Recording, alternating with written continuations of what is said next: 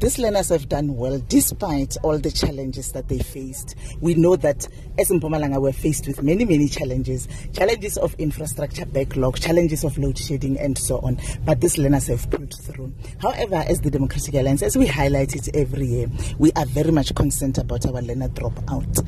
Our dropout rate is too high. Our government needs to focus on learner retention. Then we will get somewhere. We are losing too many learners on the system.